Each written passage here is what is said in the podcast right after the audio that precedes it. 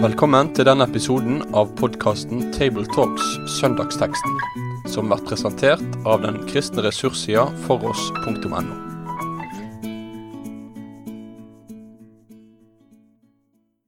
Da er det en glede å ønske velkommen til en ny episode av Tabletalks Table Talks fra Bergen på Kristi forklarelsesdag. Rundt bordet her sitter Delk-prest Jon Magne Sønstadbø, Rolf eh, Kjøde, som er leder for strategisk utvikling ved NLA-høgskolen, og mitt navn er Tarjei Gilje, redaktør i Dagen. Teksten i dag er fra Markusevangeliet kapittel 9 vers 2 til 13, og Rolf Kjøde leser. Seks dager etter tok Jesus med seg Peter, Jakob og Johannes og førte dem opp på et høgt fjell, der de var alene. Da vart han forvandla for auga deira, og kleda hans vart så skinande kvite at ingen som bleikjer klede her på jorda kan få dei så kvite. Elia synte seg for dem sammen med Moses, og de samtala med Jesus. Da tok Peter til orde og sa til Jesus, Rabbi, det er godt at vi er her, la oss bygge oss tre hytter, ei til deg, ei til Moses og ei til Elia. Han visste ikke hva han skulle si, for de ble så redde. Da kom det ei sky og la skugge over dei, og fra skya kom det ei røyst. Dette er sønnen min, han som jeg elskar, hør han. Men best de så seg omkring, så de ingen annen enn Jesus han åleine var hos dei. På vegen ned fra fjellet forbød han dem å fortelle noe om hva de hadde sett, før menneskesonen hadde stått opp fra de døde. De merka seg det ordet og diskuterte med hverandre hva det er å stå opp fra de døde. Hvorfor sier de skriftlærde at først må Elia komme, spurte de. Jesus svarer, Elia kjem først og set alt i rett skikk. Hvorfor står det skrevet om menneskesonen, at han skal lie mykje, og bli, og bli vanvørd. Men eg sier dykk, Elia er alt komen, og de gjorde med han som de ville, slik det står skrive om han. Dette er en sterk uh, fortelling. Vi kan vel trenger ikke tvile på at de som uh, var der, de husket dette. Det var ikke mange sånne opplevelser. Uh, hvorfor, hvorfor tar Jesus med seg disse tre disiplene? Ja, Det ser ut som at det er en form for arbeidsutvalg i disippelflokken. Mm. Ja, det vil si kassereren ble ikke med, men, uh, men uh, disse tre her, særlig Markus, han har jo faktisk fire ulike fortellinger, han. Der det er akkurat disse tre som følger med Jesus. Og det er på ganske sånne viktige punkt der når Jairus, altså på den dødeoppvekk, første dødeoppvekkelsen med Jairus' datter, og, og når Jesus skal introdusere dem for talen om de siste tider og også inn i Getsemane, i tillegg til denne teksten her. Så det er jo tydelig at det er en flokk i flokken som han bygger særlig opp og fram, uh, trolig med tanke på den tjenesten de skulle ha. Eller kanskje, som noen vil si, fordi de trengte det mer enn de andre. Mm. Det er jo ikke så godt å si, for det forklarer Bibelen aldri oss. Nei.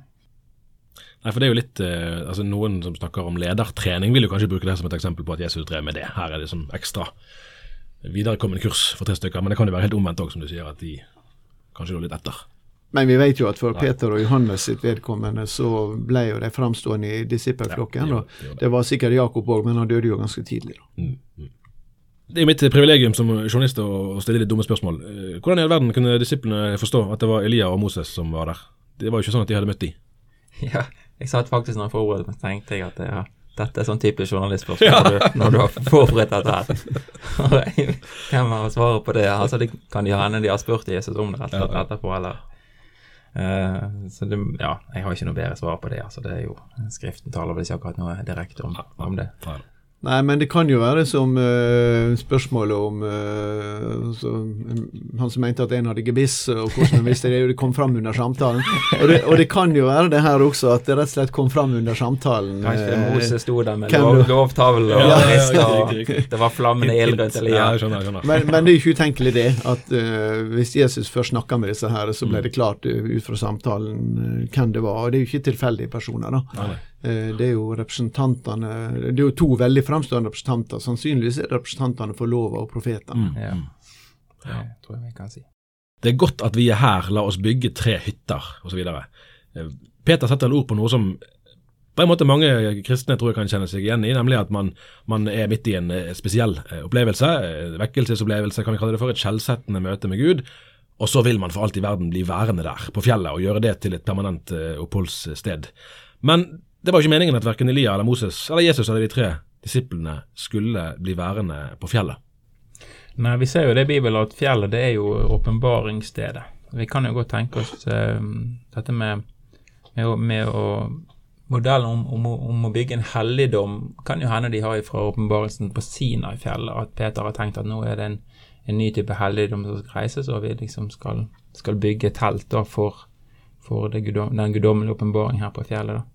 Eller så kan det være også sånn som du sier, at man, man ønsker å slå seg ned eh, slå seg ned der og, og, bruke dette som en ny base, et nytt, nytt sted. Og, og, for her er det godt og, godt og trygt å være.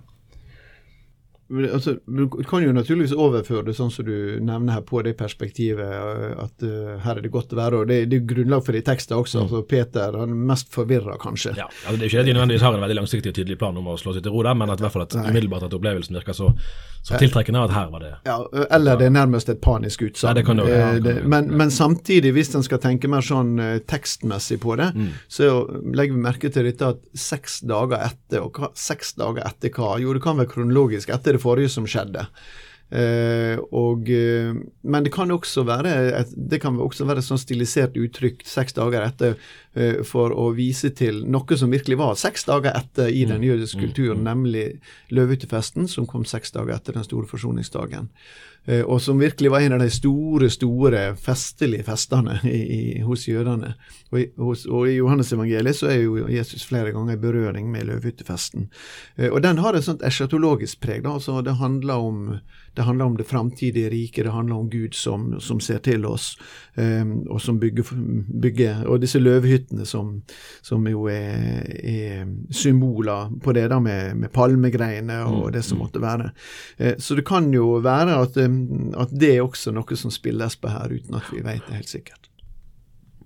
Så kommer vi til uh, det som vi kanskje kan si er historiens uh, høydepunkt. En sky som kommer og skygget over dem, og en røst som lød fra skyen, dette er min sønn den elskede, hør ham. Forstår eh, disiplene hva som skjer her? Jeg tror de forstår at det er Gud som taler til dem. Det tror jeg. Um, jeg har jo tenkt en del av det, det er vel kanskje også vanlig å tenke det, at denne, eh, åpenbaringen av Jesu herlighet, den kommer etter Peter sin store bekjennelse, eh, som vi leser om i Markus 8 der, eh, der, Jesus spør Peter hvem, hvem sier dere at jeg, Eller hvem sier folk at jeg er? Og så spør han de da konkret altså hvem, hvem sier dere at jeg er? Og når Peter sier du er Messias, så har jo Peter kommet frem til denne bekjennelsen her. og denne, denne røsten på fjellet den eh, bekrefter også den bekjennelsen som Peter her kommer med. Mm. Eh, den, så Peters bekjennelse, at den innsikten han har fått om hvem, hvem Kristus er, den har, den har, han fått før eh, Guds røst taler til, til Jesus, eh, eller taler om Jesus her.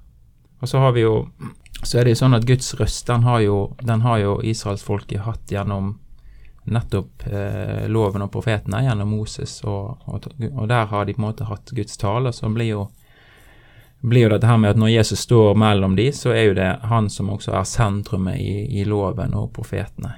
Og, eh, eh, og, blir det på en måte den som, som, eh, som er det de, de, de taler om.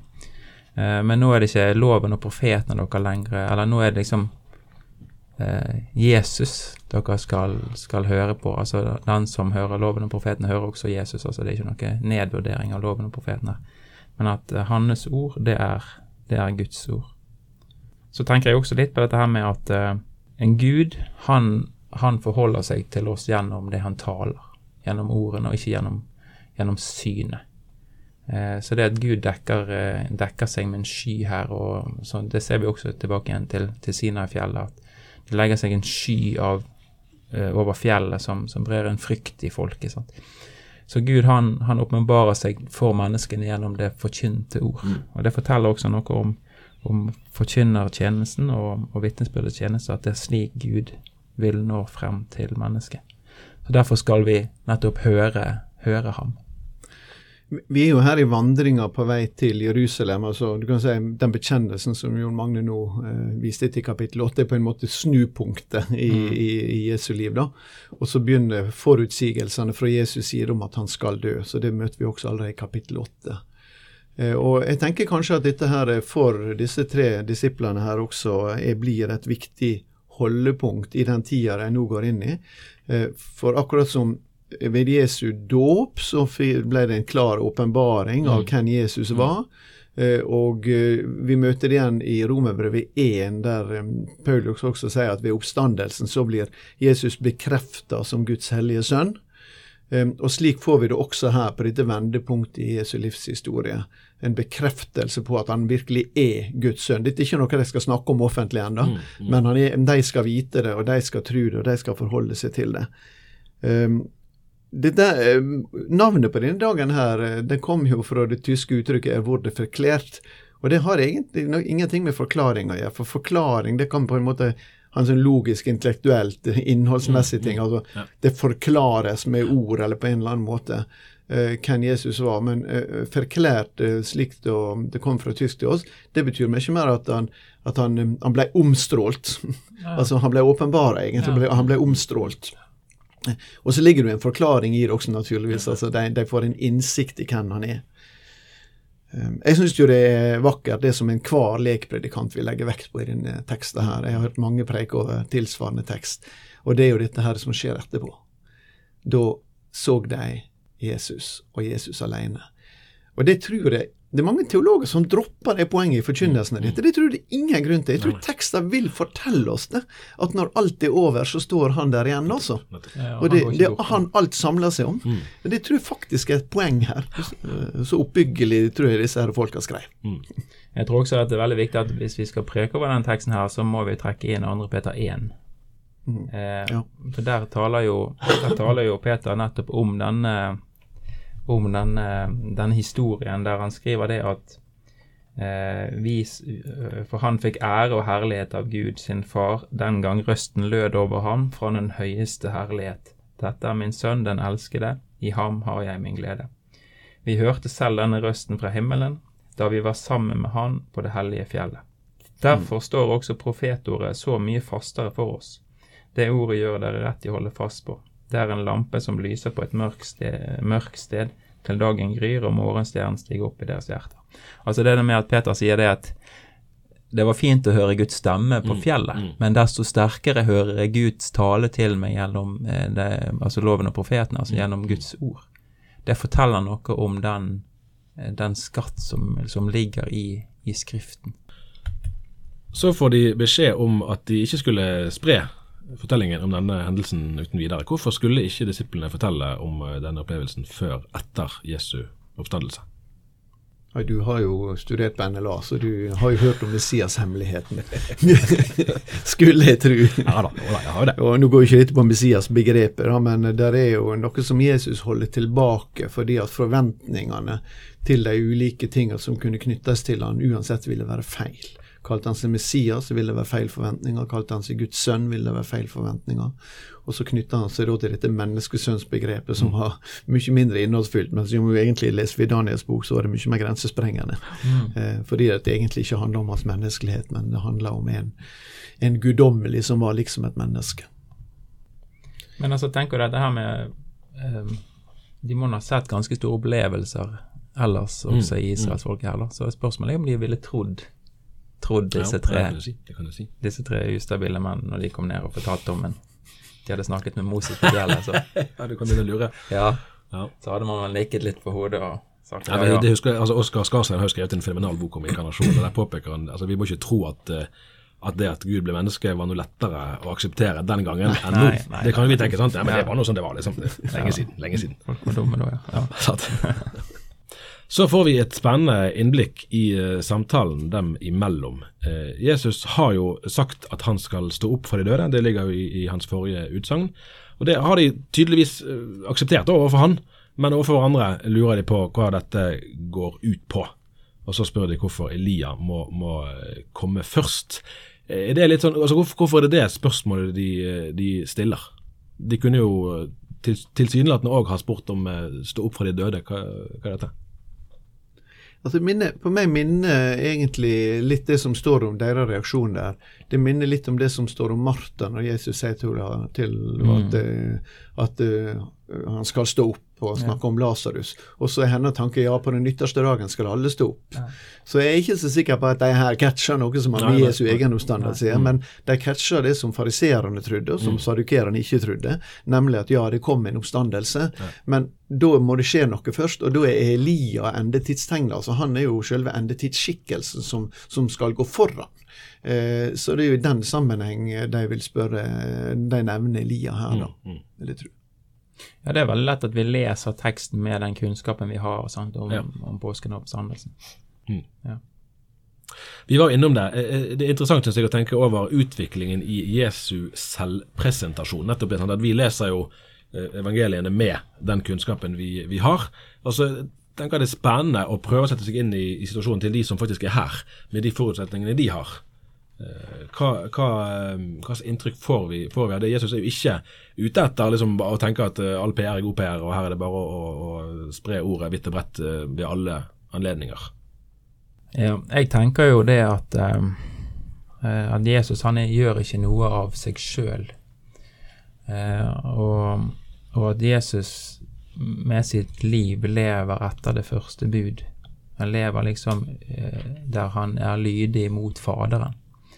Og Derfor så er det ikke Jesu person som er i sentrum for, for Jesu tanke om sin tjeneste. Det er at han skal tjene Faderen, og ved det også tjene oss. Så han er et forbilde for oss der at han er en, den, den som kommer for å tjene. Sant? Da lever han i Guds plan og i, i Guds vilje med sitt liv. Så han har ikke behov for denne selvrealiseringen som vi, vi gjerne kjenner på, for vi ønsker jo å eh, altså vi, vi bryter jo det første bud stadig vekk, for vi ønsker å, å være Gud. Sant? Altså Vi ønsker å, at folk skal legge merke til oss, og dermed så må vi tjene oss sjøl for at denne, vi skal få den plassen som vi egentlig ønsker. Men han er, altså, han er altså Guds ord. Han er det ordet som kommer fra Gud, som Gud vil skal spre ut. Sant? Og ordet tjener ikke seg sjøl, det tjener den som sender det. Han er Guds lam, sant? og han er, han er den som bøyer seg ned.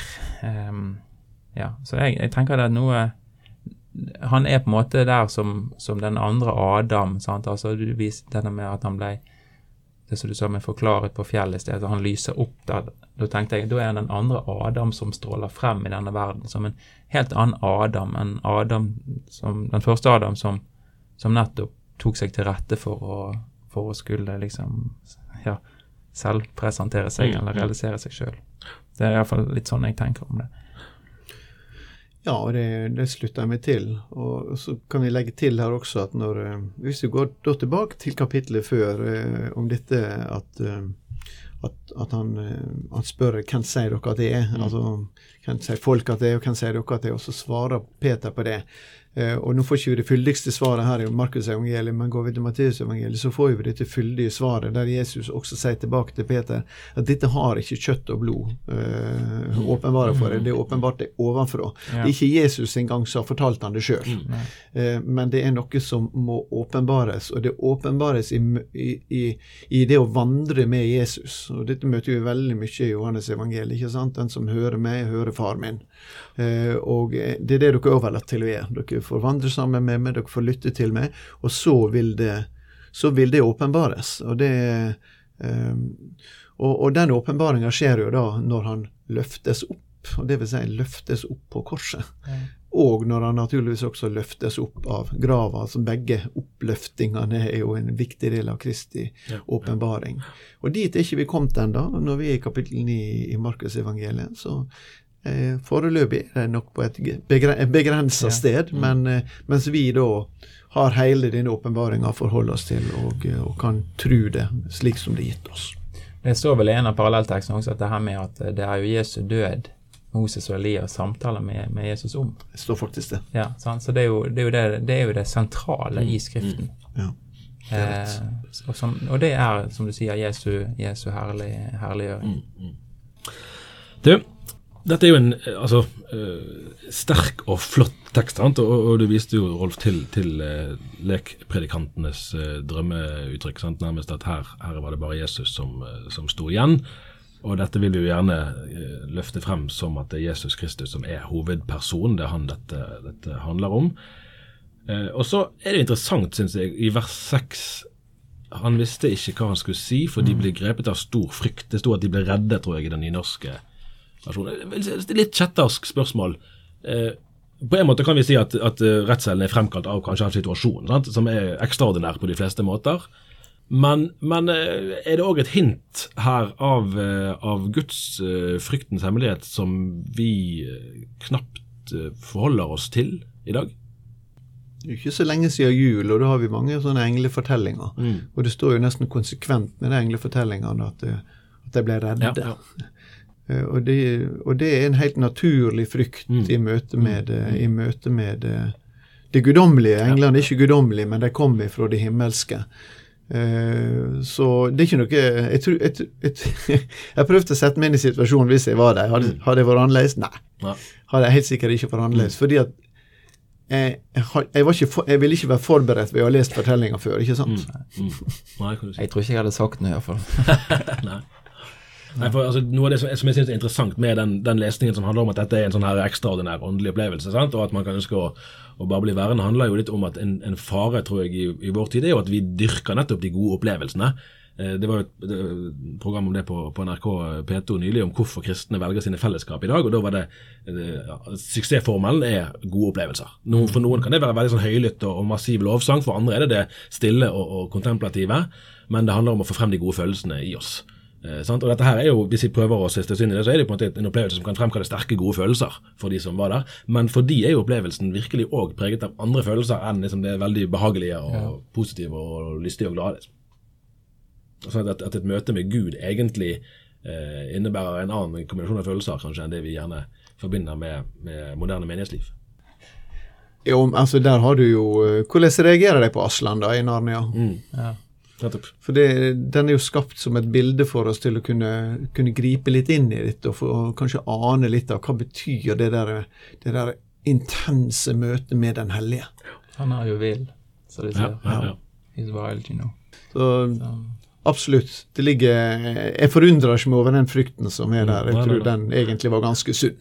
Ja, enig. enig. Altså, det er vel også sånn som de sier om Aston, at han er ikke trygg, men han er god. Ja. Of course he isn't safe, but he's good. Ja. ja. Da tror jeg vi lar det være med det for denne gang. Takk for at du hørte på. Vi høres igjen om noen uker. Med det sier vi takk for følget for denne gang. Finn flere ressurser, og vær gjerne med å støtte oss på foross.no.